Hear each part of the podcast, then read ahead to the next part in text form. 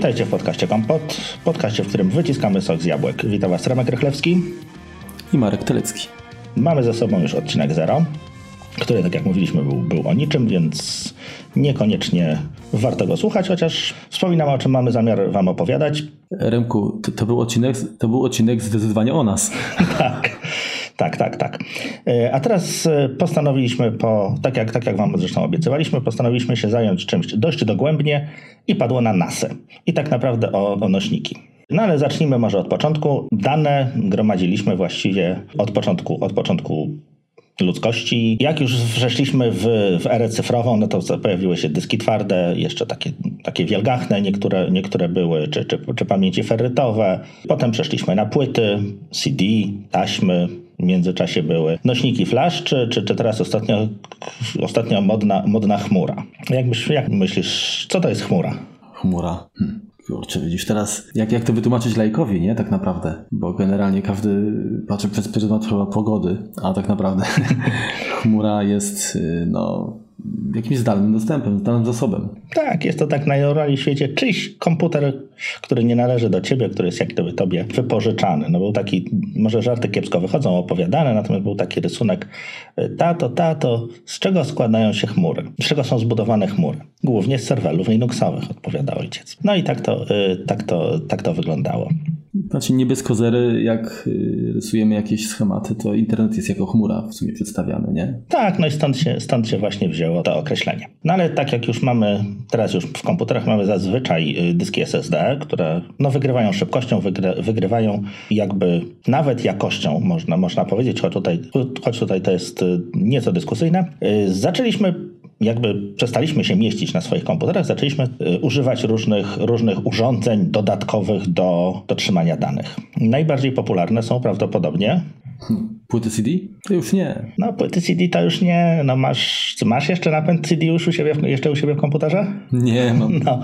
Nie mam. Je, jeszcze, jeszcze jakiś czas temu korzystałem z, z, z, usługi zdalna płyta. Więc takim podstawowym, podstawowym według mnie teraz dyskiem, którego na, na kopy można kupować w markecie jest tak zwany dysk zewnętrzny USB. Jest to DAS, czyli Direct Attach Storage, czyli jest to... A to mam. Jest to, każdy, każdy z nas coś takiego, coś takiego posiada. Jest to dysk najczęściej mechaniczny, yy, najczęściej jeden, no bo to jest, to jest raczej dość tanie, który po prostu bezpośrednio podpinamy do komputera i od komputera w tym momencie zależy jaki format plików, y, jaki format plików na nim umieścimy. Tak więc jeśli będziemy mieli ten dysk podpinany tylko do PC-ta, no to pewnie skorzystamy z jakiegoś formatu PC-owego NTFS. Jeśli, jeśli podpinamy tylko go do Maca, no to skorzystamy z Macowego jeszcze nie APFS, tylko, tylko klasycznego Macowego systemu plików lub, lub z, jakiegoś, z jakiegoś systemu, który jest odczytywany przez obydwa, obydwa systemy, na przykład exFAT. No tutaj możemy się rozwodzić na temat różnych systemów plików i jak one się, jak one się nadają konkretnie do, do jakich rozwiązań, natomiast jakby o tym wspominamy.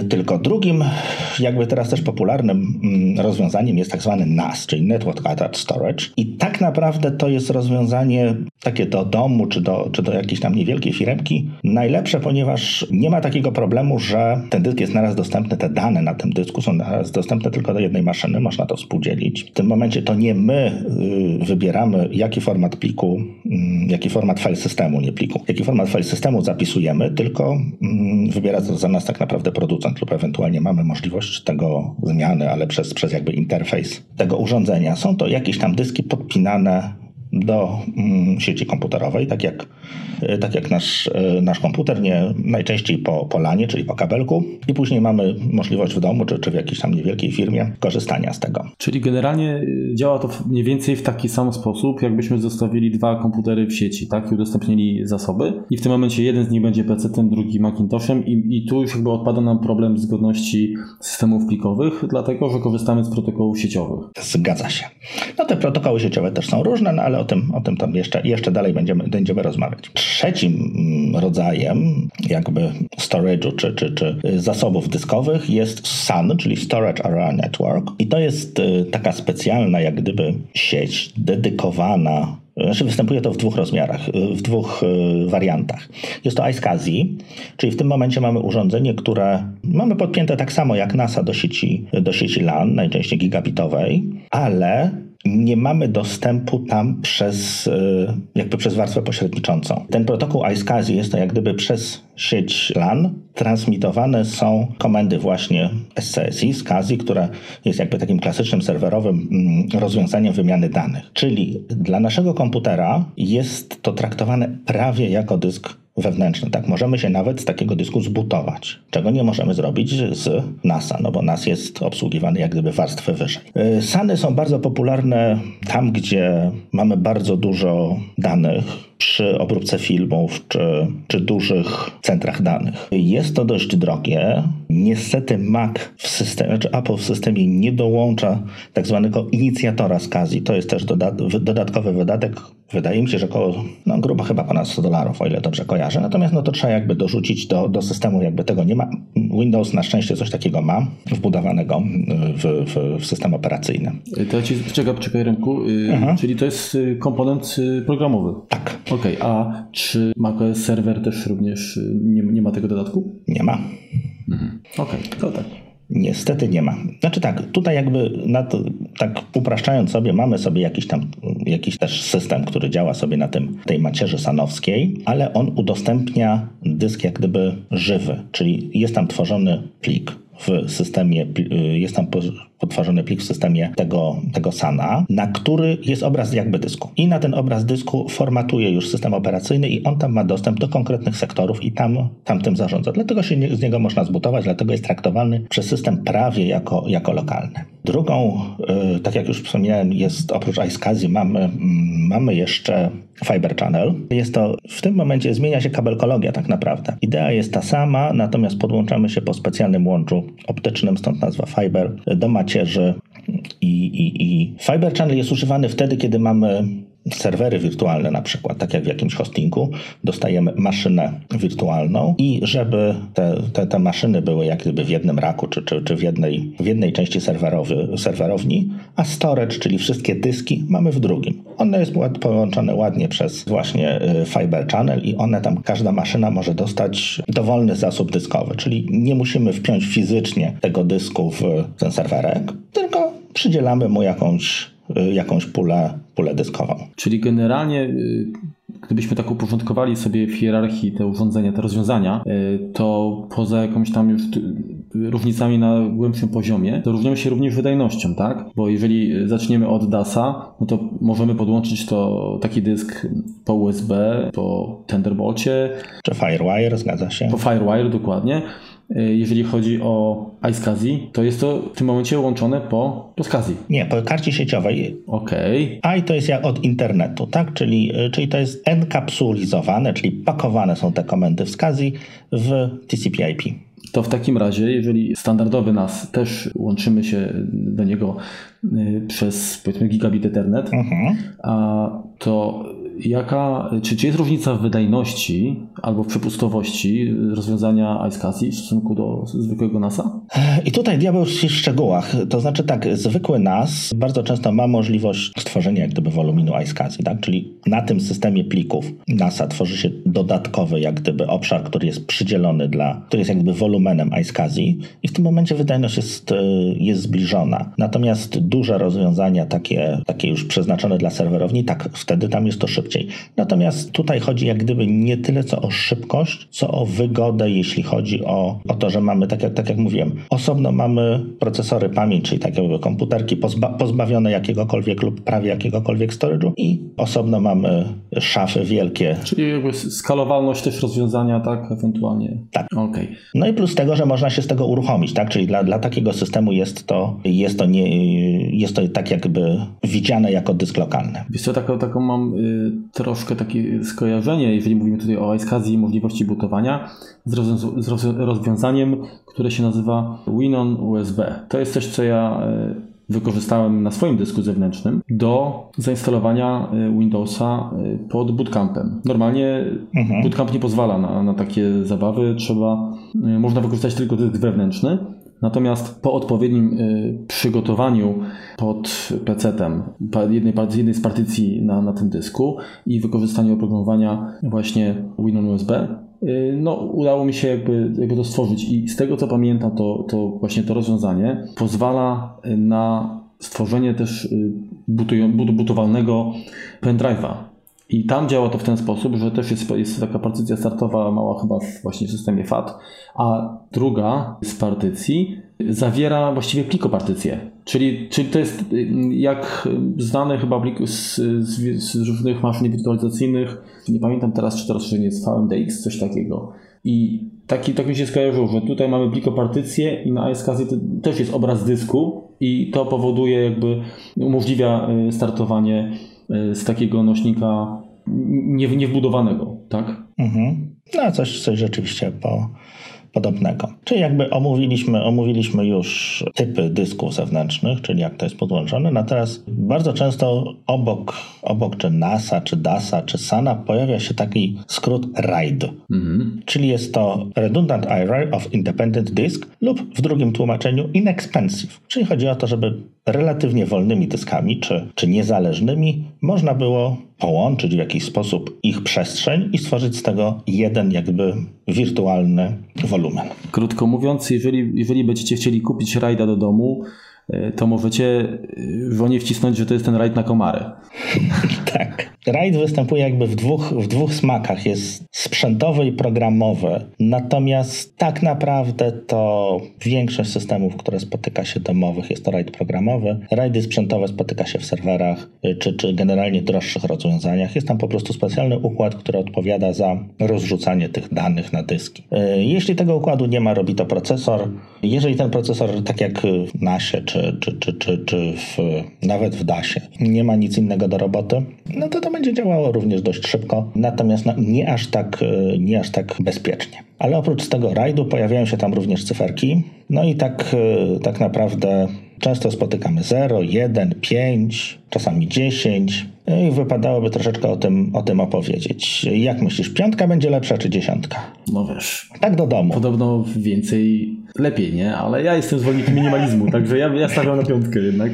No to wygrałeś. Dobra, ale poopowiadajmy o tym, czym są, czym są te rajdy. Rajd poziom 0, czyli tak popularnie nazywany scary ride, czyli straszny rajd, zbudowany jest w ten sposób, że dane zapisywane są po kolei na tych dyskach. Więc jeżeli mamy dla przykładu trzy dyski nie wiem, 4 terabajtowe, mamy w sumie przestrzeń 12 terabajtów. Czyli pierwsza paczka danych zostanie zapisana na pierwszym dysku, druga na drugim, trzecia na trzecim. Jest to mm, z jednej strony bardzo szybkie, no bo łączymy te, jak na, tak naprawdę wydajność tych, tych wszystkich trzech dysków w jeden. Czyli generalnie to jest tak, y, to jest tak, że można że wręcz jednocześnie zapisujemy na tych trzech dyskach. Tylko tak, inny, in, tak. inny fragment danych. Dokładnie tak. Mhm. Więc jest to przede wszystkim szybko i zapis i odczyt jest bardzo szybki. Natomiast no, ma to jedną poważną zaletę, znaczy wadę, przepraszam, ma to jedną poważną wadę. Jeżeli padnie nam jakikolwiek dysk, tracimy całość danych. Stąd nazwa Scary Ride. Ale właściwa to jest chyba stripping, prawda? Również stripping, tak, tak. Popularnie jest to, jest to nazywane stripping. Nie striptease, stripping, tak, że tutaj bądźmy konkretni.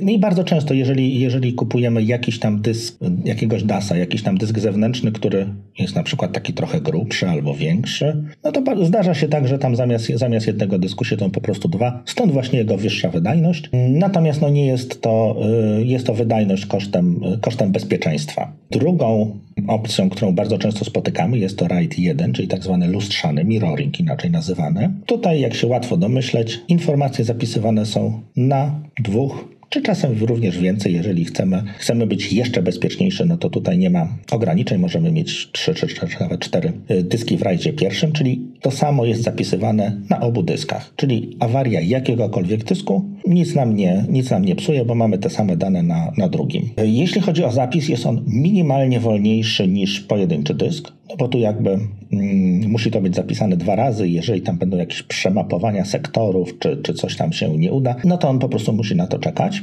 Natomiast odczyt o dziwo w dobrze stworzonym kontrolerze jest szybszy, bo on może czytać na przemian te dane, bo ma je tak samo, tak samo zapisane. Hmm. No to jest, to jest też zaleta. Znaczy tak, to jest... I, czyli zwiększamy bezpieczeństwo i de facto no, tą szybkość odczytu, przynajmniej tak jak mówisz, w idealnych warunkach. Ale koszty rosną nam dwukrotnie, no bo musimy kupić dwa dyski, żeby, jeżeli chcemy pojemność 10 terabajtów, no to musimy kupić dwa dyski 10 terabajtowe, a nie tak jak przy, przy strippingu dwa dyski 5 terabajtowe. Więc tutaj to jest to jak najbardziej droższe. Mhm. Występują w przyrodzie jeszcze, no właściwie w przyrodzie to już nie, bo już takich rzeczy się nie spotyka, natomiast jest jeszcze coś takiego jak rajd drugi, y, rajd trzeci i rajd czwarty. To są jak gdyby różne podejścia troszkę do, troszkę do tego samego, czyli w tym momencie musimy mieć co najmniej trzy dyski i na nich jest zapisywana tak zwana parzystość. Przy czym nie, w, drójce, w drugim jest kod Hamiltona, no ale to naprawdę y, nie znajdziecie urządzeń, które rajd drugi, trzeci czy czwarty jakkolwiek wspierają, ponieważ wyparuje RAID 5 i na nim się skupię. Znaczy może po, po, powiem, czym się różni czwarty od piątego. W RAIDzie czwartym kod parzystości, czyli zliczamy wszystkie bity z kolejnych dysków w tym samym sektorze, w tym samym, w tym samym miejscu i na ostatnim dysku, powiedzmy, niech to będzie na trzecim, czyli naj, najmniejsza możliwa y, konfiguracja, będzie zapisywana parzystość. Tak, czyli jeżeli mamy bit 1, 1, 1, po sumowaniu tego wszystkiego wyjdzie 1, więc zapiszemy 1. Jeżeli mamy 1, 1, 0, zapiszemy 0. Czyli taka funkcja exclusive OR, czyli XOR jest tam zapisywana i w tym momencie po utracie jakiegokolwiek dysku system jest w stanie odtworzyć sobie dane z reszty, z reszty woluminu na podstawie właśnie tego bitu parzystości. Czyli minimum, minimalna ilość dysków to są dyski? Trzy. Dokładnie. A jeżeli chodzi o skalowalność, rozumiem, że to jest n-1, tak? Tak, dokładnie tak tak. Czyli w tym momencie, jeśli mamy trzy dyski 5-terabajtowe, przestrzeń 10 terabajtów dostępna dla użytkownika. RAID 5 jest wariacją RAIDu czwartego, gdzie ta parzystość jest zapisywana na kolejnych dyskach. Czyli dla pierwszego sektora parzystość będzie na dysku ostatnim, dla drugiego sektora będzie na dysku drugim, a dla pierwszego sektora będzie na dysku pierwszym, i potem kolejny sektor będzie znowu na trzecim, drugim, pierwszym. Czyli jak gdyby to jest równo, równomiernie rozłożona ta informacja jakby nadmiarowa dla wszystkich dysków. RAID szósty, który powoli się pojawia i mądrzy ludzie mówią, że, że należy na niego przejść, ponieważ przy dzisiejszych dyskach, które osiągają już 10 i więcej, 14 terabajtów, nawet widziałem ostatnio, nie bardzo zwiększa się ich prędkość. Tak więc czas od awarii pamiętajmy, że w rajdzie piątym może nam wypaść, czyli może się nam uszkodzić jeden dysk. Mamy cały czas dane. Jeżeli padnie nam drugi dysk, jesteśmy ugotowani. Mhm. W rajdzie szóstym jest to troszkę droższa implementacja, bo tam są jakby dwa dyski nadmiarowe. Czyli przez, już nie wnikając w szczegóły, przez przerzucanie właśnie tej parzystości mamy możliwość, że dwa dowolne dyski nam się uszkodzą. Więc jest to jak najbardziej bezpieczniejsze, natomiast niestety nie jest to jeszcze e, tak szeroko implementowane, jeśli chodzi o urządzenia konsumenckie jest to raczej domena serwerowa. To teraz przerwę Ci Remku i się spytam, kiedyś przynajmniej było tak, że e, rajdy wymagały, był taki wymóg, żeby wszystkie dyski e, oferowały taką samą pojemność i sugerowane było wyposażanie urządzeń w dyski nawet tego, tej samej, same modele tej samej firmy. Jak to wygląda dziś? Tak, klasyczne, klasyczne poziomy RAID, jeżeli połączymy dysk, nie wiem, 5-terabajtowy, 7 ter nie ma, 6-terabajtowy, 4-terabajtowy, czyli mamy trzy dyski różnych, y, y, różnej wielkości, połączymy je w RAID 5, mamy wielkość 4 terabajty takiego wolumenu przy klasycznym poziomie RAID. Mhm. Ponieważ one, y, one jakby nie, nie jest w stanie zagospodarować tej jakby nadmiarowej powierzchni, która się pojawia. Ale nie, nie ma tych ograniczeń, bo kiedyś chyba nawet oprogramowanie tak nie, nie pozwalało wręcz, tak? To znaczy tak, dało się i teraz też się da, natomiast to wpływa na wydajność. Z racji tego, że na ten rajdzie piątym jakby to, to musi chodzić jak, jak w zegarku w tym samym czasie, czyli dysk ma sektory, dysk, dysk ma podział na jakieś głowice, różnie, są to, różnie jest to ułożone jeżeli to te zegarki, tak sobie to ustawmy, tykają w tym samym momencie, to wtedy jest dobrze, bo my musimy czekać zawsze na ostatni. Jeżeli jakikolwiek będzie przesunięty, czy będzie trochę wolniejszy, czy trochę szybszy, to i tak się będzie musiał dostosować zawsze do najwolniejszego. Czyli takie synchroniczne wypływanie danych. Dokładnie tak. Więc tutaj dalej jest to, jeśli Zalecane, chodzi tak? O tak, jeżeli chodzi o szybkość zalecane. Natomiast są też osoby takie, które twierdzą, że warto dyski kupować, znaczy, że jeżeli dyski kupiliśmy w tym samym czasie, tak, z jednego jak gdyby wypustu fabryki, z tego samego dnia po sobie mają numery seryjne następujące, to one padną też w tym samym czasie. I jeżeli będą z nimi jakieś problemy, no to ze wszystkimi będą problemy. A to się niestety zdarza. Jeżeli chodzi o dyski twarde, zdarzają się partie, które po prostu są, nazwijmy to, niekoniecznie przystają standardom, jakich się po nich spodziewamy. Więc tutaj jest to, jest to, jest to ryzyko. Okay. Mamy jeszcze coś takiego jak, jak RAID 0.1 i 1.0. To jest tak naprawdę dość podobne. To jest taki stripping plus mirroring, czyli do tego potrzebujemy mieć parzystą ilość dysków, czyli na przykład 4, czyli jeżeli mamy RAID 0.1, to na, i na dwóch pierwszych dyskach robimy RAID 0, na dwóch dyskach robimy RAID 0 i z tego wszystkiego robimy RAID 1. Przy RAIDzie 10 jest to odwrotnie, są to dwa jakby małe rajdy, pierwsze i na tym RAID zerowy. Występują też również jakieś takie dziwne, dziwne stworzenia jak RAID 50, gdzie, jak się łatwo domyślić, na dole są RAID 0, a na górze z tych wszystkiego zrobione RAID 5. Natomiast to są rozwiązania jakby do, do centrów danych, tak? gdzie ważna jest, ważne jest bezpieczeństwo, no bo w tym momencie mamy jakby zwiększone, z jednej strony mamy, czy tak dalej nam mogą paść teoretycznie dwa dyski, ale no nie z tego samego miejsca, tak? czyli powiedzmy nie z tej samej półeczki. To, co wspominałeś, to jest jeszcze coś takiego jak Matrix RAID, czy Mix RAID, czy Beyond RAID, że producenci różnie to nazywają i to pozwala łączyć ze sobą dyski y, różnej wielkości. Czyli w tym momencie, tak jak w, tym przykładzie, tak jak mieliśmy dysk 3, 5 i 4, y, tak, 3, 4, 5 terabajtów, to Beyond RAID, czy Matrix RAID, czy no jest to różnie, różnie producenci nazywają, natomiast ta funkcjonalność pozwala jak gdyby nam na połączenie powierzchni tych dysków, tak, żebyśmy wykorzystali również to, to co jest powyżej 3 terabajtów, czyli te, te, dodatkowe, te dodatkowe dane. Poprzez powiedzmy, tak naprawdę pod spodem on tam sobie robi jakiś RAID piąty, potem gdzieś sobie coś przekłada, dorobi z tego RAID, robi sobie z tego stripping, więc nie jest to specjalnie wydajne, no ale jest to jakoś tam bezpieczne. A powiedz mi, czy to jest to, co się nazywa RAIDem JBOD? Nie. JBOD to jest, e, to jest e, taki biedny stripping, gdzie najpierw zapisujesz dane na pierwszym dysku, a jak ci się on skończy, to zapisujesz na drugim. Więc e, nie masz, teoretycznie przy JBOD możesz odzyskać część danych, no bo połowa tych danych będzie na dysku, który jeszcze się czyta, więc są one jakoś tam do odzyskania, natomiast no nie jest to szybkie. Mhm. I występują czasem jeszcze w rajdach, szczególnie, szczególnie serwerowych, literki E, 5E, 5EE, 6E i 6EE najczęściej. Taka literka E oznacza, że y, mamy dodatkowy dysk pięty w macierzy, tak zwany hotspur, czyli on jest podłączony do prądu, działa sobie, natomiast na niego nic się nie zapisuje. Do czasu. W momencie, kiedy pada nam system, znaczy pada nam jakiś jeden dysk. Nie jest wysyłany monit do administratora, żeby biegł do serwerowni i wymieniał ten dysk, nim kolejny padnie, tylko automatycznie system zaczyna przebudowywać tą macierz, skorzystając właśnie z tego hotspur, czyli tego dysku, dysku zapasowego. Dwie literki E, jak łatwo się domyśleć, to są dwa takie dyski. No to jest na pewno wygodne rozwiązanie, ale przypuszczam, że też dużo, dużo droższe, bo poza tym, że dodatkowy dysk y, musi być tam zamontowany, to czy da się w ogóle takie taką funkcję obsłużyć y, wyłącznie programowo, czy jednak muszą być kontrolery sprzętowe? do obsługi y, tego hotspera. Wiesz co, jest to możliwe do, do y, programowego rozwiązania, mm, natomiast tutaj jak gdyby koszty powodują to, że i tak zazwyczaj na ten kontroler się producenci decydują. Okej, okay, a powiedz jeszcze, bo masz na pewno większe doświadczenie, system na, na, na jabłuszkach mhm no, obsługuje programowo rajdy. I które rajdy? macOS potrafi obsłużyć raid pierwszy i zerowy, czyli stripping i mirroring. Jeżeli chcemy zrobić raid 10 czy, czy 01, jest to możliwe, no ale w tym momencie mamy jakby dwa rajdy na siebie nałożone. Nie jest to specjalnie bezpieczne, wydajne. Nie, nie, nie.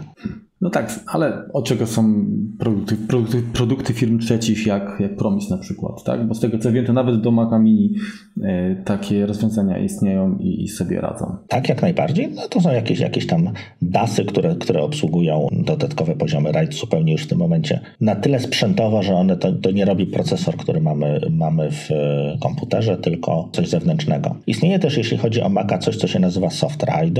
To obsługuje RAID 5, chodzi pod, y, jak na razie chodzi pod y, Sierną, pod High Sierra z tego co kojarzę nie było jeszcze, przynajmniej w zeszłym tygodniu wersji. I to pozwala uruchomić programowo na Macu Raida 5. Natomiast nie jest to specjalnie wydajne i no, to jest dość drogie, bo to, o ile dobrze kojarzę, kosztuje około 170 dolarów y, za, za samo oprogramowanie. Tak, to nie jest żaden sprzęt, tylko już w tym momencie, jeśli, jeśli mamy Maca, na przykład tarkę do sera i mamy w nim, nie wiem, niech pomyślę, nie wiem, 9 dysków, 2,5 cala i 4 dyski 3,5 cala, no to można sobie takiego rajda tam sklecić i, i, i w tym momencie mieć, mieć jakieś tam bezpieczeństwo, no bo jeżeli po, połączymy te 9 dysków terabajtowych w, w po prostu w stripping, to to dość szybko padnie, tak to się rozleci. Natomiast tutaj mamy jakby dodatkową tą parzystość i, i, i jesteśmy w stanie odtworzyć dane. Druga sprawa, jeśli odtwarzanie danych z uszkodzonego dysku pojedynczego jest wykonalne i stosunkowo mało skomplikowane, to odbudowa rajda to jest krew i łzy. Nikomu tego nie życzę, bo to naprawdę nie jest nic prostego, nie jest nic taniego. I nie, nie, nie. Raczej nie starajcie się, nie starajcie się wierzyć. Okej, okay, ale, ale, ale generalnie jakby chodzi o, o to, nie o czasochłonność procesu, czy... Wiesz co, tak, tak, tak. Yy, może to przybliżyć właśnie to swoje doświadczenie? Eee, na szczęście nie musiałem odbudowywać rajdu, zazwyczaj mam kopie zapasowe, natomiast rajdy padają, tak? Pamiętajcie, dzieci, RAID is not a backup. RAID to nie jest kopia zapasowa. RAID może się rozsypać. Mimo tego, że macie y, zapisane nawet dane w mirroringu na dwóch dyskach, to jest dalej pod te dyski podpięty jeden zasilacz. Jak trafi wam ten zasilacz, jakieś wyładowanie, tak jak ostatnio opowiadałeś o, o, swojej karcie sieciowej, no to te dwa dyski zostaną ugotowane i danych nie będziecie mieli wcale. RAID zwiększają bezpieczeństwo, zgadza się, no poza strippingiem oczywiście. Natomiast nie traktujcie rajdu jako backupu. A dlaczego jest trudniej? Bo y, jeśli masz y, dysk, który, na którym są wszystkie dane, y, to są, są po prostu dostępne narzędzia, które, które te dane ci jakby z fragmentów są, pod, są w stanie odzyskać. Natomiast jeśli chodzi o RAID, no to musisz powiedzmy, musisz odtworzyć ten popsuty dysk, przenieść na jakiś inny działający, czyli mieć najlepiej taki sam, sektor do sektora. To, co się nie czyta, zostawić puste, y, czy, czy, czy tam przegrać tyle, ile się da przeczytać, powiedzmy, złożyć to razem i modlić się, żeby to zaczęło działać. Ale czyli rozumiem, że to jest sytuacja skrajna, kiedy właściwie cały rajd jest, y, krótko mówiąc, można być wyspisany na straty i, i próba odzyskiwania danych y, no, jest, jest nie lada wyzwaniem. Natomiast nie mówimy o sytuacji, kiedy właśnie padnie jeden dysk mhm. i Macierz się musi przebudować, tak? bo to jest naturalne i tak, to w tym momencie dokładamy dysk, czy w zależności od tego, czy to, czy to jest e, system, który jest hot swapowy, czyli możemy z niego podczas pracy wyciągnąć uszkodzony dysk, włożyć nowy i automatycznie kontroler rozpozna go i zacznie, zacznie przebudowę dysku, czy musimy go wyłączyć, podmienić. Czyli dzięki tej informacji nadmiarowej zostanie, wszystkie jakby dane zostaną przywrócone tak. Przy czym no, pamiętajcie, że prędkość dysku no, niespecjalnie nam rośnie, jeżeli chodzi o, o dyski talerzowe. I teraz, jeżeli mamy coś co, coś, co ma kilka terabajtów, to przebudowa tego potrwa. Dla przykładu, to było czysto, y, czysto jakby akademickie rozwiązanie z mojej strony. W moim Synology 916, na, który, który jest y, czterodyskowy. Na początku miałem dwa dyski 5-6 terabajtowe i oczywiście zrobiłem na nich mirroring, zapchałem je danymi, czyli wgrałem na nie 5 terabajtów. Później dołożyłem dwa kolejne dyski i wybrałem w systemie opcję przebudowy, żeby zrobił z tego rajda piątego. Jak myślisz, ile to mogło trwać? Mm, jeszcze raz, jaka pojemność już razem? 5 terabajtów danych na 4 dyski. No, obstawiam 4 dni. Ponad 2 tygodnie. Mhm. No, czyli o 10 się pomyliłem, tak? tak. No ale wiesz, no to jest kwestia tego, że on tam nie miał miejsca do przebudowy, no to to jakby było ekstre, sprawdzenie ekstremum, no ale no, po to, po to, się jakby robi takie, takie rzeczy w laboratorium, żeby, żeby wiedzieć. Przegranie 5 terabajtów danych obecnie, no to jest jakieś kilkanaście godzin. Więc no to, to nie jest szybko, tak? Dalej tych, tych danych mamy bardzo dużo i, i te dyski rosną, natomiast ich, ich prędkość, tak jak już się powtarzam, jak zacięta płyta nie rośnie, więc stąd właśnie ten dążenie czy, czy, czy migracja do rajdu szóstego, żebyśmy mieli więcej tej nadmiarowości, bo jeśli y, padł, padł nam jeden dysk, y, a kupiliśmy je jakby z tej samej półki, no to drugi musi podziałać no przynajmniej jakiś tydzień, tak, żebyśmy bezpiecznie zorientowali się, że musimy, że nam dysk poleciał. Pobiegli do sklepu, kupili nowy, włożyli i zaczęli migrację danych. No kwestia tego, żeby zdążyć przemigrować te dane, nim padnie drugi dysk. I tutaj można by powiedzieć, no dobra, wyłączać to i czekać. No nie, nic nie, wpływa tak źle jak na pracę dysku, jak start i lądowanie, czyli włączenie i wyłączenie. Dlatego szczególnie te dyski przystosowane do pracy w macierzach, no nie lubią bardzo być wyłączane. Wiesz co, tak sobie teraz myślę, że my mówimy w zupełnie wiesz, o takiej skali bardziej y, dla nas jakby dostępnej, natomiast y, co się musi dziać y, na takich farmach właściwie, na wiesz, serwerach, nie wiem, Google'a, czy jakichś innych firm, czy Apple'a, gdzie, gdzie tych dysków, które no, dane nasze utrzymują i muszą zabezpieczyć te dane, no jest przecież kurczę no setki tysięcy. Zgadza się. No to są, wiesz, no, tam naprawdę jeżdżą technicy na hulajnogach i wymieniają te dyski tak naprawdę masowo i non-stop. No plus tego, że te, te serwerownie są najczęściej zduplikowane, tak? Czyli nawet jeżeli będzie jakaś katastrofa i padnie tego więcej niż powinno, no to te, te, te dane są na tyle zduplikowane, że jeszcze poza jakimiś tam drobnymi... No wiesz, niby tak, tylko weź pod uwagę, że praktycznie w każdej sekundzie ileś tych danych przybywa, tak? Nowych. Tak. To są, stale musi przyjeżdżać, po, przyjeżdżać y, bocznica kolejowa, pociągi po prostu pakowanie tego do nowych raków. To jest niesamowite, wiesz? Tak jak, jak, jak, jak się zastanowi nad tym, to szok. No tak, no, tak, jak, tak jak wspominałem, wspominałem już w, w konkurencyjnym, zaprzyjaźnionym konkurencyjnym podcaście, to przez ostatnie dwa lata wyprodukowaliśmy więcej danych niż od początku ludzkości, tak? Czyli gdzieś to, gdzieś to trzeba trzymać. Wiesz, te wszystkie koty śmieszne, jakieś tak. filmiki, nie? No dobra, opowiedzieliśmy troszeczkę, troszeczkę o rajdach. Teraz przed, w momencie, kiedy decydujemy się na zakup dysku, oprócz wyboru producenta, mamy często jakiś kolor, oznaczenie. I tutaj też warto dowiedzieć się, czy, czy, czy być świadomym, co, co kupujemy i, i czym się te dyski różnią. Moim zdaniem e, jedne z najlepszych i powiedzmy moje ulubione dyski, czyli Western Digital. Ich oznaczenia są bardzo łatwe, bo występują w różnych kolorkach. Są dyski zielone. Jak myślisz, do czego dyski zielone mogą służyć? Są to no, pro-eco. Dokładnie. Są tanie, niezbyt szybkie, takie po prostu. Energooszczędne? A, teoretycznie tak. Bardziej. Nie, no troszkę tak. Dyski niebieskie są to dyski takie klasyczne do komputerów, desktopów czy, czy, czy laptopów, które troszeczkę więcej biorą prądu niż, niż dyski zielone, natomiast są nieco szybsze. Y, dyski czarne to jest zupełnie inna półka. To są dyski high performance, to są dyski dla gamerów, to są dyski talerzowe, ale ale to jeszcze nie jest spółka Enterprise. To nie jest jeszcze spółka Enterprise, to jest mhm. na razie. Znaczy tak, one, tak jak mechanicznie powiedzmy te, te dyski zielone i niebieskie, czy, czy czerwone, o których za chwilę powiem, niewiele się różnią. Tam tak naprawdę jest różnica w, w oprogramowaniu, czy, czy w tym, jak one działają. To te dyski czarne są z lepszej półki. Tam, tam są lepsze podzespoły, one są, są szybsze, mają więcej cache'u, no i są droższe automatycznie. Czyli pamiętajmy, zielone i niebieskie to jest gorszy sort. Tak, jak chcemy być naprawdę cool, no to leczymy w czarne. E, natomiast jeżeli chcemy korzystać z e, NASA, czy włożyć ten dysk do, do jakiegoś rajdu, no to zdecydujemy się na serię czerwoną, która występuje w wersji czerwonej i czerwonej Pro. Product Red, tak? tak, Product Red, dokładnie.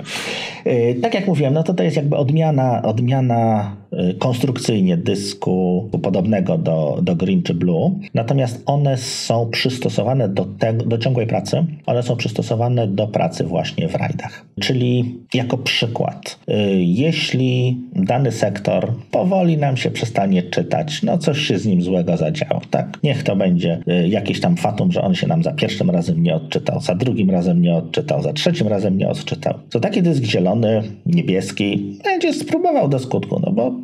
dla niego jest ważne, żeby przeczytać z niego dane.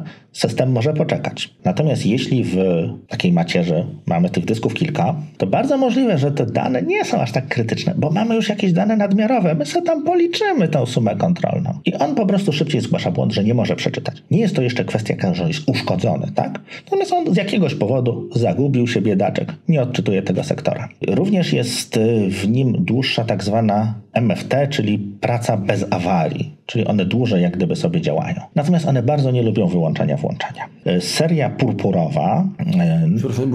E, e, MTBF, tak? Tak, Czy... czyli czas pomiędzy...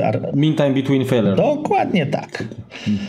Seria purpurowa łączy ze sobą zalety RED, plus ma taką funkcję, że ona pozwala na stały zapis. Więc jak myślisz, do czego ona może służyć? Zagadka. Stały zapis, tak? Tak. No, jakieś buforowanie danych dodatkowe?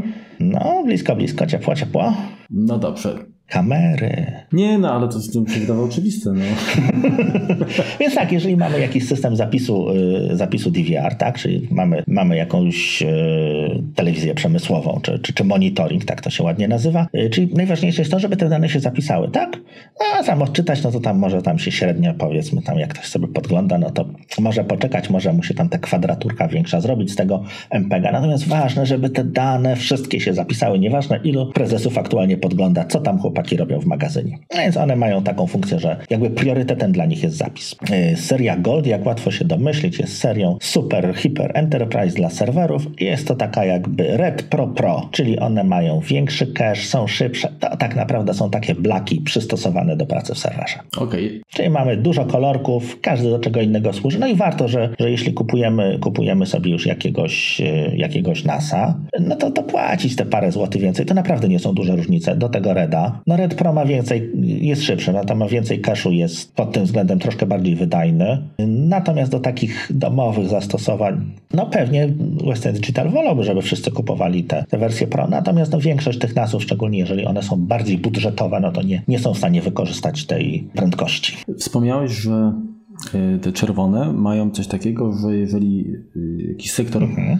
przestaje e, zachować się jak, jak należy, no to zgłaszają wcześniej, e, tak sygnalizują, że problemy są gdzieś tam na podorędziu. Tak. Okej, okay. tak. ale generalnie jest tak, że dyski mają zawsze jakiś zapas pojemności, tak? One są sformatowane, tak. my otrzymujemy tam powiedzmy, że to jest nie wiem, 1 terabajt, ale tak naprawdę to jest tam 1,200, bo w razie gdyby to y, logika y, dysku powinna mieć możliwość nie wiem, przemapowania tak, uszkodzonych sektorów. Czy w tym momencie to nie działa? Czy, czy jakby pomimo tego zamapowania on w tym momencie sygnalizuje po to, żeby stwierdzić, że dobrze, jeżeli jest y, jakiś problem, to on może się pogłębiać i... Znaczy tak, on przemapowuje te dane, natomiast on je najpierw musi odczytać. Jeżeli nie może ich odczytać, no to nie ma, co, nie ma czego przemapować. No ale może odczytać te dane korzystając z danych nadmiarowych z innych dysków. Jest to tak, teoretycznie tak, natomiast Natomiast z tego co wiem, nie, to by musiał jakby system operacyjny od, o, jakby podać mu te dane. Skoro on ich nie przeczytał, tylko jego koledzy z RAIDa to przeczytali, to musiałby dostać je od, od systemu operacyjnego. Z tego co wiem, coś takiego się nie dzieje. Mhm. Teraz jeszcze druga ważna rzecz. Fajnie, fajnie że wspomniałeś, przypomniałeś o tym, o, o, o większej ilości danych na dysku. Y, jeśli, żebyście tak mniej więcej wiedzieli, czy mieli pojęcie, jak, y, jak dane dane na dysku wyglądają i na ile jest to czułe. Jak się pewnie domyślicie, to dyski najbardziej nie lubią wstrząsów. No bo wtedy wszystko podskakuje, w ogóle jest fuj, nie trafia się w sektory. Znaczy mówimy o dyskach talerzowych, tak, gdzie cały czas głowica na jakiejś podysce powietrznej się unosi. I... Są dość proste programy, nawet jakieś takie dosowe, tak, które pokazują czas odczytu kolejnych sektorów. Po prostu sprawdzają, czy, czy dysk się czyta i, i pokazują, ile milisekund trwało odczytanie. Wystarczy tak naprawdę, i, i to sprawdzałem, krzyknąć na ten dysk, czyli krzyknąć w pokoju, gdzie znajduje się dysk i ten dysk zwolni. To jest tak czułe. Więc Dysk w laptopie to jest morderstwo. On będzie cierpiał, jak wy będziecie pisali na klawiaturze. Dlatego zawsze, jak się tylko da i jak tylko budżet wam pozwoli, wybierajcie SSD. A muzyki słuchajcie na słuchawkach. tak. Ale wiesz, to, to, to jest ciekawa informacja, bo powiem ci, no ja zdawałem sobie sprawę, że wibracje takie, które no ja odczuwam też, no to będą dla niego dość, no niepożądane, ale mhm. tak mówisz, że nawet te wibracje, fale dźwiękowe są w stanie tak znacząco wpłynąć na, na wydajność. Wiesz, no nie będzie znacząco, no ale zobaczysz, że jakby zrobiło się wolniej. On już za pierwszym razem nie trafił, musi, musi drugi raz przejechać, czyli to już nie będzie, nie wiem, tam 15 milisekund, tylko nagle się zrobi 120 milisekund. Okej, okay, no na szczęście SSD nie cierpi na takie. Nie cierpią z tego. SSD cierpi na co innego, natomiast no tak. na, na niego możemy, na SSD możemy wrzeszczeć dowolnie. Dobrze, opowiedzieliśmy dość dużo o WD, y, dlatego, bo lubię WD. Y, I... Ja myślę, że generalnie faceci i Polacy, to, i Rosjanie to lubią WD maksymalnie. Szczególnie 40. Dobra, ale producentem znanym dysków jest również Seagate y, i u nich odpowiednio, może nie będę jeszcze raz opowiadał, co, co jest co, natomiast te dyski ekonomiczne to są Barracudy, czyli Greeny, Iron Wolf, to są dyski do NASA, Skyhawk, to są, y, to są odpowiednik tych purpurowych, czyli one są do DVR-ów, a dyski y, Goldy, czyli znaczy Dyski Enterprise to są odpowiednikiem Goldów, jak łatwo się domyślić. I tutaj są cudowne jakieś rozwiązania, które są wypełnione helem i oferują 12 terabajtów. Drugim, nie do końca producentem, no bo to jest jak gdyby firma HGST, czyli Hitachi Storage Group, dawne, jest od, od kilku ładnych lat własnością firmy WD. Natomiast oni produkują swoje dyski, które są również bardzo dobre, y, nawet lepsze niż WD. Przez wielu, są, przez wielu tak, jest to, tak jest to uważane, natomiast też są, też są jak gdyby różne. To są serie Ultrastar, no to są też dyski do SCSI, do Fiber Channela są takie dyski enterprise'owe, czyli odpowiedniki Goldów. DeskStar, czyli to są dyski, jak się łatwo domyślić, do desktopów. Mobile Star, czyli to są dyski do laptopów na wymarciu, bo już nawet te, te takie podstawowe laptopy powoli już mają dyski SSD, nawet małe, bo małe, wolne, bo wolne, ale niech można na niego krzyczeć, czyli, czyli dobrze. Jeszcze jest EnduStar, to są takie troszeczkę do automatyki przemysłowej bardziej, bardziej przez, e, przeznaczone dyski, one są e, bardziej odporne na wibracje, troszeczkę tak plus minus 100 stopni, inne takie, takie rzeczy militarne troszeczkę bardziej i CinemaStar, które służą do wideo, tak? Do wideo, tak, one są jest to troszeczkę bardziej kierowane do ryn na rynek taki powiedzmy DVR-ów takich domowych, czyli one są takie cichsze troszkę i, i pod tym względem pod tym względem jest to, ich się nie, nie, z tego co kojarzę, one nie są do kupienia tak jako, jako end user, to jest raczej dla, dla producentów rozwiązanie. To może ja trochę odpocznę, a ty mnie o coś popytasz. No dobrze, to, to w sumie no, wymieniłeś najważniejsze firmy, tak? Czyli Wudek, y, Seagate i HGST. I Hitachi, tak. czy tam tak, y, HGW, czy tam. no jeszcze jest teoretycznie Samsung, razie... który jest własnością Seagate'a, ale nie wypowiadam się na temat Samsung. Ja mam jeszcze pytanie do ciebie, um, bo cały czas mówimy o dyskach talerzowych, tak? Jeżeli tak. chodzi tutaj o takie zastosowania, które może nie są jakby najbardziej wydajne, ale chyba jeżeli chodzi o żywotność, no i, i, chyba też koszt to takie optymalne. Swego czasu standardem były dyski, które się kręciły z prędkością 5400 obrotów tak. na minutę. No później było się tam 7200, tak, 10 mhm. tysięcy. W tej chwili, nie wiem, 15 są na pewno. Czy jest coś szybszego? Chyba nie. Yy, wiesz, to są 15, ale to są już w tym momencie dyski sasowe, czyli nie są to serial ATA, tak, chociaż złączka jest prawie mhm. taka sama. Są to dyski serwerowe, właśnie te seria Gold Enterprise czy, czy Ultrastar. No właśnie, o, o, to, o to chciałem spytać, bo generalnie nieco trudniejsze, bardziej wyśrubowane y, warunki pracy y, mogą dawać do wymyślenia, że żywotność ich może się skrócić, tak? I w tym momencie pozycjonowanie tego jako, jako dyski, y, gdzie jakby nam zależy na tym, żeby one najdłużej y, mhm. sobie radziły, y, wydaje się takie dość kontrowersyjne. Zgadza się, dlatego wiesz co, popularne dyski dalej, czy, czy greeny, czy redy, to są 7200 obrotów. No rozumiem. A okej, okay, powiedz mi teraz tak, no bo nie stoi, technicznie nic nie stoi na przeszkodzie, żeby wykorzystać do, do rajdu dyski SSD. Tak. A czy robiłeś jakieś testy, które pokazywały na przykład wydajność tego? No bo, bo, generalnie do czego zmierzam? Taki NAS, który sobie powiedzmy nas tworzymy, kupimy, do niego musimy się jakoś połączyć, tak? Na chwilę obecną korzystamy najczęściej z połączenia z sieciowego o prędkości, o wypustowości gigabit Ethernet, tak? Tak. Czyli tam 1000 megabitów. Niektóre urządzenia mają więcej niż jeden port, czyli można e, podwoić, tak? tak. E, dostęp, chociaż to tak naprawdę w stosunku wykorzystaniu z jednym komputerem to, to, to, nie ma sensu, jeśli tego zysku nie będzie. Natomiast y, przy wielodostępie, tak? Jako, jakoś tutaj tak. korzyść odczujemy. I teraz tak, gdzie jest jakby ta granica? No bo wiadomo, że dyski SSD są, są bardzo szybkie. I teraz pytanie, czy jeżeli byśmy zrobili RAIDa 5 z iluś dysków SSD, które same w sobie mają, mm, trans oferują transfery bardzo wysokie, a dostajemy się do tego przez gigabit Ethernet, to w tym momencie to nie ma sensu, prawda? Dokładnie, nie ma to sensu.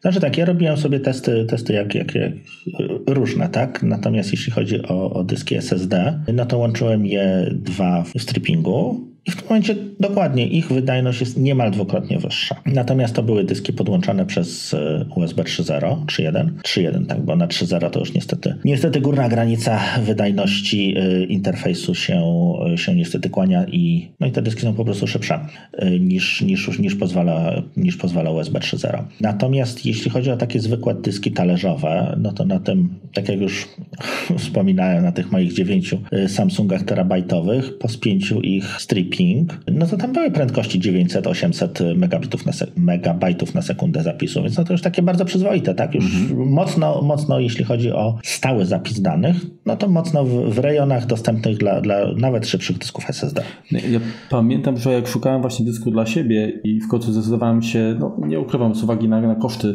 na, i, i, i wygodę, bo jednak dysk 2,5 calowy łatwiej jest zabrać ze sobą niż wielką CD. No tak, nie potrzebuje zasilania dodatkowego. O, dokładnie. Zainwestowałem w Toshibę, która zresztą mm, którą recenzowałem w którymś z numerów mój Mac magazynu. Natomiast rozważałem inny model właśnie 3,5 calowy tej firmy, eStore, mhm. który miał oferował troszeczkę większą pojemność i tam właśnie o dziwo, patrząc na, na, na, na koszt, bo to było gdzieś na poziomie 600, 600 zł, był właśnie dysk SAS, tak? Czyli Serial Attached Storage, tak? Dobrze mówię? Mhm. Z, z tym złączem przynajmniej kontrolerem, tak. który pozwalał na uzyskiwanie osiągów na poziomie 190 MB tak, przy zapisie i odczycie. Jeszcze mówisz o SAS czy SSHD? Nie, nie, nie, nie mówię SSHD, bo w tym momencie ty mówisz, to, gdzie mamy taki Fusion Drive, tak? Że jest tak. część. Te, nie, nie. To był y, normalnie dysk właśnie SAS. To wiesz co, to podejrzewam, że miał po prostu dość dużo kaszu i to jest, y, i tutaj wydajność tego bardzo zależy od kaszu. To też jeżeli, jeżeli zobaczycie na na przykład na, na, na jakimś benchmarku dyski SSD czy, czy pendrive'y nawet, to spróbujcie na nie czasem zapisać więcej niż 16 giga, czy, czy właśnie to tam 16 giga danych i zobaczcie, co się dzieje z wydajnością po 4, po 8, czy tam po 10, zależnie tam, zależnie mm, jaki, jaki, macie, jaki macie system. Te dyski SSD bardzo zwolnią. One działają szybko, bo mają dużo kaszu. Popularne, popularne Samsungi na przykład y, z serii T3 czy T5, takie, takie dyski USB ze złączem USB-C, tam chyba do 4 terabajtów nawet są. Y, one działają szybko, jak, jak zapisujecie na nie dane, ale jeżeli zaczniecie zapisywać ciągle na nie dane, czyli po prostu zaczniecie robić na nie kopię zapasową, to one bardzo zwolnią. I one, się, one tam mają wyniki tam, nie wiem, 600 czy, czy, czy 700 MB na sekundę, natomiast to spadnie do 150. Znaczy, no generalnie myślę, że y, niestety jakby tutaj nie uciekamy, jeżeli zastosujemy dyski SSD, nie uciekamy od wszystkich problemów, które, z którymi borykały się również dyski talerzowe, czyli jakie dane zapisujemy, czy to jest plik ciągły, wielki, duży, jeden, jeden, jeden, fizycznie jest to jeden plik, tak, czy mhm. kopiujemy dużą ilość małych plików, tak, wtedy też no zawsze, jeżeli masz dużo, dużo małych plików, no to jeszcze y, dochodzi jakby narzut systemu operacyjnego, czy, czy, -hmm. czy file systemu tak naprawdę, czyli on musi zapisać informacje o tym pliku, sprawdzić, gdzie ma wolne sektory i tak dalej, i tak dalej. Tutaj mówię po prostu o, o dużym pliku, tak jakbyśmy, nie wiem, kopiowali sobie jakiś, nie wiem, film nagrany z wesela, no tak? W HD czy 4K. Okay. Posiadający 40 giga na przykład, no to dalej ten dysk SSD będzie szybki i do jego obróbki będzie bardzo fajny. Natomiast samo kopiowanie bardzo często przy, przy dużej ilości danych, jakiś tam powiedzmy dwudyskowy z, ze strippingiem, e, system z właśnie z dwoma dyskami talerzowymi ja może być szybszy. Dyski właściwie SSD możemy sobie zostawić, bo to jest ciekawy temat na, na, na kolejny podcast. Ten jest poświęcony NASom. Y, to pewnie coś tam masz jeszcze, nie? No. Właśnie wprowadzenie do nasów, bo do, nasach, do nasów to jeszcze niewiele, niewiele doszliśmy. No ale to ja myślę, że poczekamy na pytania też od, od, od y, słuchaczy.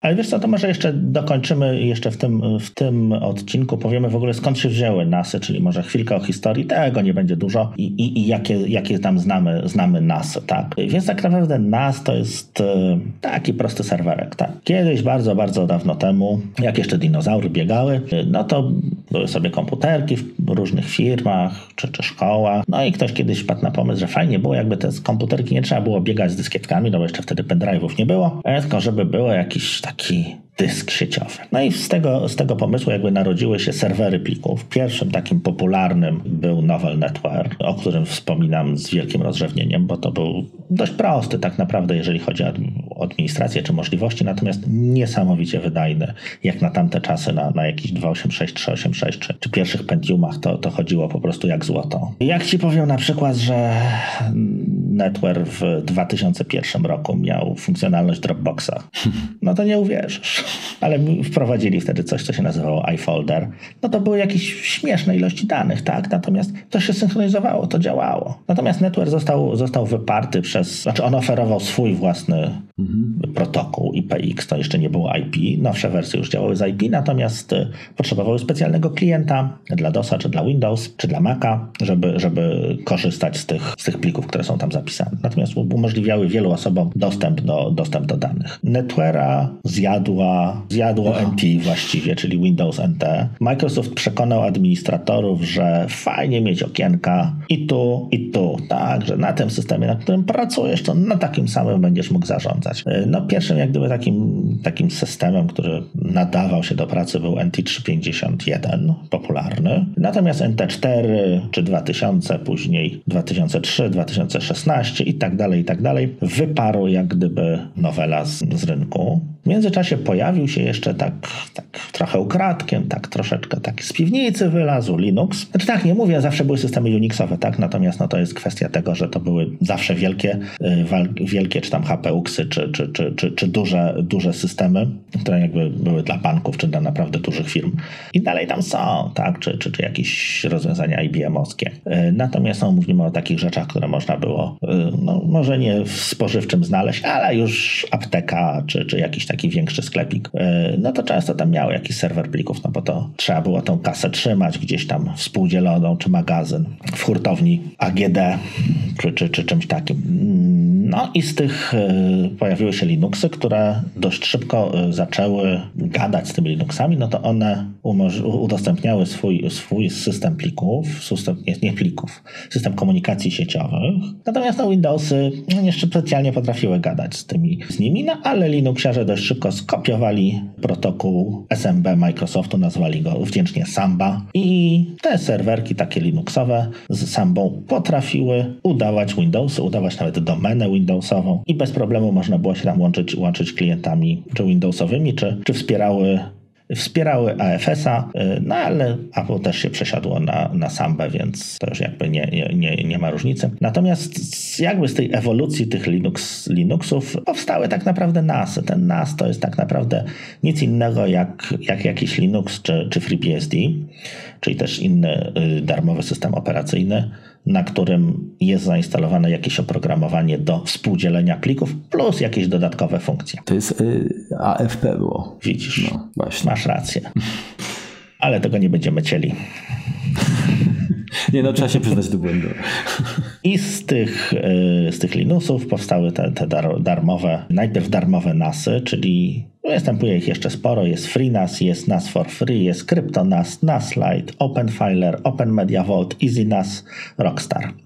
Czyli w tym momencie kupujemy sobie jakiegoś peceta, który ma domyślnie dużo miejsca na dyski twarde, dużo, dużo, dużo slotów serial ATA. Pakujemy tam dysków ile wlezie, instalujemy system, sami konfigurujemy i mamy dość tanio przestrzeń dyskową, którą mogą współdzielić Maci czy Windowsy. Ale jak łatwo się domyślić, no jest to taka troszkę garażówka, czyli jak się coś sypnie, no to, to se kliencie radź se sam. I bardzo szybko powstały tak zwane NASBoxy, czyli, czyli takie systemy, które producent jak gdyby bierze odpowiedzialność za to, że te pakiety będą jakoś ze sobą działały na tym Linuxie, że to się nie rozsypie tak od razu pierwszego dnia i, i generalnie będzie, będzie całkiem fajnie działało. Czyli rozumiem, że zmierzamy do produktu, którego sam nazwę wspomniałeś wcześniej, czyli na przykład Synology, tak? Dokładnie. I tutaj jakby najpopularniejszymi producentami to jest Synology i QNAP, którzy się jakby ścigają o palmę pierwszeństwa, który, który jest najlepszy. No, ja jestem akurat z obozu Synology, kolega Mac wyznawca jest z obozu QNAP. Firma powinna zmienić chyba nazwę na KOP. tak.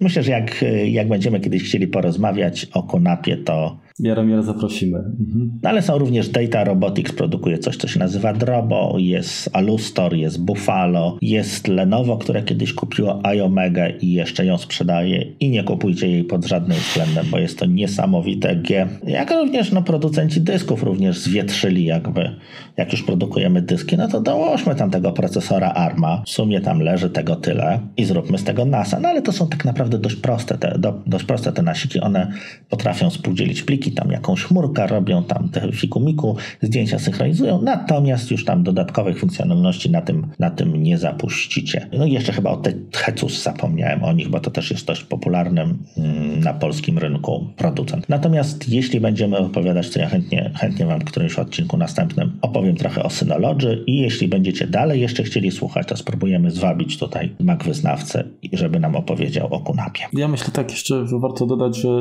te DOSBoxy nie tylko jakby tym przyjęciem części odpowiedzialności y, przez, przez producentów na siebie kuszą, ale również właśnie tymi usługami dodatkowymi, bo tak jak wspomniałeś o chmurze, jednak dostęp do własnych danych, które trzymamy na, na urządzeniu, które powiedzmy jest non-stop włączone w domu, tak, y, z innego miejsca, jeżeli jesteśmy w innym mieście i, i to zarówno łącząc się powiedzmy z komputera, czy z urządzenia mobilnego jak nie wiem, iPhone, no jest sporą zaletą, tak? Tak, zgadza się. No plus wiesz, no tutaj jest, kupujesz raz, tak? Czyli kupujesz NASA, nie wiem, dwudyskowego, płacisz za niego 600 zł, tak? Z, raczej z dolnej półki bierzemy, nie najgorsze. Dokupujesz do tego dwa dyski, nie wiem, 4 terabajtowe, czyli za no, w 1000 zł się nie zamkniesz, natomiast, mm, natomiast no, to będzie nieco wystawało za ten 1000, no, ale masz to jak gdyby na zawsze, tak? No, musisz płacić za prąd, który, który ci to zje, natomiast możesz sobie, możesz sobie tego używać. No, jeżeli chciałbyś zapłacić, nie wiem, za przestrzeń, no, Apple udostępnia 2 terabajty chyba maksymalnie, tak? I to w tym momencie kosztuje chyba 19 dolarów, nie pamiętam jak to jest w złotówkach. Ale to już się robi drogo, bo to już jest, to już chyba jest 79 zł. Mhm. Tak miesiąc w miesiąc, po jakimś czasie ci się zwróci, te, te, zwrócą te dyski w domu. No nie będą one tak bezpieczne, tak? No jeżeli ci się to uszkodzi, no to trudno, kliencie, nie miałeś danych. Natomiast no daje to, daje to poczucie bezpieczeństwa, no nikt ci w tym nie będzie grzebał, bo to stoi u ciebie. No i sam dostęp do danych jednak y, przynajmniej lokalnie jest szybszy też, tak? No bo mimo wszystko łącza internetowe mamy coraz, coraz bardziej wydajne, coraz lepsze, to jednak um, no, ściągnięcie ileś tam gigabajtów danych, a przede wszystkim wysłanie, bo jednak większość łączy jest, jest asymetryczna, mhm. no to jest, to jest wyzwanie, tak? To jest wyzwanie. Zgadza się. No wiesz, no ja jakiś czas temu trafiłem na, na sytuację taką, że y, miałem dane jeszcze na, na jakimś dysku podłączonym przez Firewire, czyli no to nie jest 800, tak, żeby nie, mhm. nie było, czyli no to, to powiedzmy na poziomie USB 3.0, może troszeczkę, no przyjmijmy, że na poziomie USB 3.0, to szybciej mi się te dane niestety ściągały z, y, z Google'a niż z, przegrywały z dysku. A widzisz, no ja w sumie za czasów iMac'a... Ale przy dobrym łączu naturalnie. No, no. Za czasów iMac'a miałem też dysk zewnętrzny, to był e, Maxtor. Mhm. Firma już dzisiaj mało kto pamięta o niej chyba. Maxtor One Touch 3. Seagate ich dawno, dawno kupił. I to akurat było na Firewire 400, a później kupiłem iOmega. Właśnie niestety, ale ciebie jeszcze nie znałem. Także... Ale nie, iOmega robiła dobre rzeczy. ale ten dysk też padł, także... znaczy obudowa, dysk, dysk nie właśnie, ale kontroler. Nie pamiętam teraz, ale wyglądał jak, jak taki Mac Pro. Bo one były ładne, takie dziurkowane, kojarzę, wiem, wiem, bardzo, wiem, wiem o czym mówisz. Tak, dokładnie. I, i, I coś takiego właśnie zanabyłem. To już posiadało Firewire 800 i rzeczywiście to był chyba 1 terabajtowy dysk. Tam osiągałem transfery na poziomie 78 chyba nawet megabajtów mhm. na sekundę, także przyzwoicie i to jest y, w porównaniu do USB 3.0, no to jest mimo wszystko, nie, to jest, to jest wolniej jednak. No też, żebyśmy mieli jakoś tam pojęcie, no dyski, dyski talerzowe tam do 160 się powiedzmy zbliżają. Jeśli mamy coś pod, podłączone tam bezpośrednio, czy przez USB 3.1, tutaj nie ma wielkiej różnicy akurat. Jeśli chodzi o, o transfery z, przez gigabit, no to tam 120, czasem trochę więcej, to już w tym momencie zależy od, od switcha, od kabli, od tego, co się w tej sieci jeszcze dzieje, od protokołów i od plam na słońcu, y, prędkość. Stąd właśnie to, stąd właśnie, no to, to, to trwa, tak? To, to, to niestety, mimo że te interfejsy są coraz, coraz tam szybsze, no to nie aż tak wzrasta ich prędkość, jak wzrasta ilość danych, które na nich trzymamy. No bo największe dyski, które dzisiaj, dzisiaj sprawdzałem, no to były chyba 12, 12 terabajtowe. Robił Seagate, a HGST chyba 14 jakieś. No więc to już jest, to już jest troszeczkę science fiction. I teraz tak, warto jeszcze, tak już zupełnie na koniec, jak już będziecie wypierać, że dyski twarde, nie warto kupować największe. Raz, że one są nieco bardziej awaryjne, no bo to jest jeszcze taka technologia nie do końca przetestowana, tak? Tutaj jesteście, jesteście early adopterami, jesteście jesteście, jesteście na was się troszeczkę to testuje. Nie warto testować na własnych danych, ale przekona was również ekonomia. Y, warto sobie policzyć, jak gdyby ile kosztuje terabajt czy tam gigabajt zapisany na danym, na danym dysku czy u danego producenta. Zwykle ten środek tabeli, czyli teraz dyski pewnie 6 czy, czy 5 czy 4 terabajtowe, wyjdą najtaniej. No oczywiście y, trzeba również liczyć, że y, jak gdyby półka na dysku czy, czy miejsce w nasie też kosztuje. Natomiast no nie kupuje się tego dysku na całe życie 16 zazwyczaj, y, no bo on kiedyś padnie, tak? Czy kiedyś stanie się za mały. Chciałbym, żeby najpierw stał się za mały niż padnie, no ale to różnie bywa. Y, natomiast też warto, warto to po prostu sobie przeliczyć, zastanowić się, kupować raczej te dyski, jeżeli decydujecie się na, na zakup y, NASA, kupować te dyski dostosowane do rajdów. Osobiście polecam serię Red i tyle chyba na koniec. Ja mam dużo nowej wiedzy dzięki Tobie, także jestem Ci wdzięczny za no, uporządkowanie też w dużej mierze. A nie zgłębiliśmy może za bardzo e, tematu chmury, ale to jest też obszerne i tak jak wspomniałeś, ten podcast to jest wprowadzenie do nasów. E, myślę, że jeszcze za jakiś czas wrócimy, bo chociażby usługi właśnie takie zdalne do przechowywania danych w chmurze możemy też wziąć troszeczkę na tapetę i, i porównać, zestawić, a wykazać jakieś... jakieś yy... Tak, no jak, jak najbardziej tutaj, tutaj też to ma jakieś tam wady, zalety. No starałem się, żebyście jakby wiedzieli, co, ta, co te literki przy tych nazwach produktów oznaczają, żebyście wiedzieli, co to ten RAID i że na komary też, ale niekoniecznie. No i generalnie trzeba zacząć I, od podstaw. I pamiętajcie, że RAID to nie jest backup, tak? Czyli, tak. czyli, czyli tak naprawdę nieco zwiększacie bezpieczeństwo swoich danych, ale przede wszystkim, gdzie byś polecił tak naprawdę RAIDa? Tylko środowisko wielu użytkowników, dostęp y, jednoczesny do danych? Wiesz co, nie, wszędzie, y, znaczy rajda piątego, tak, no bo to jest jak gdyby tutaj y, najbardziej efektywny kosztowo, zapewniający jakie takie bezpieczeństwo, tak. Jeśli już mamy jakąś bibliotekę filmów, oczywiście legalnych, czy zdjęć, do których chcemy, żeby, żeby miało więcej osób dostępu z domu, czy, czy, czy chcemy nie wspierać się na, na rozwiązaniach chmurowych oferowanych w abonamencie, czy to będzie Apple, czy to będzie Google, czy to będzie Dropbox, czy Microsoft, to tutaj y, wybór jak dla mnie czterodyskowego NASA jest jak najbardziej, jak najbardziej, jak najbardziej fajny. One też się różnią, jeśli chodzi o wydajność, różnią się chodzi o ceny. O tym jeszcze wspomnimy i będę Was przekonywał, y, czemu wybrać takie rozwiązanie, a nie inne czy, czy, czy przedstawię tam jakoś tam jego zalety na przykładzie Synology, które, które znam najlepiej. Natomiast y, takie co, no takie minimum dwudyskowe też nie jest złe, tak? No, tylko wtedy musisz się zdecydować, czy, czy chcesz mieć bezpieczeństwo, czy chcesz mieć y, dużo danych, no. Wszystko zależy od tego, ile, ile, ile, ile jakby produkujesz tych zdjęć. No, znaczy zdjęć, no bo jakby to są zdjęcia filmy, to co, to, co, to, co zajmuje nam miejsce, tak? No bo mhm. muzykę już pogodziliśmy się z tym i trzymamy ją raczej w chmurze. Albo na nośnikach takich, no oryginalnych, tak? tak. Czyli jakieś winyle bądź, bądź CD, tak? Tak, no jest to, jest to jakaś tam forma backupu, tak? Ten, ten plastik. Zawsze możemy do tego wrócić i jeszcze raz to zripować. Bibliotekę zdjęć trzymałbym również na rajdzie. Podkreślam słowo również. No tak, no raczej.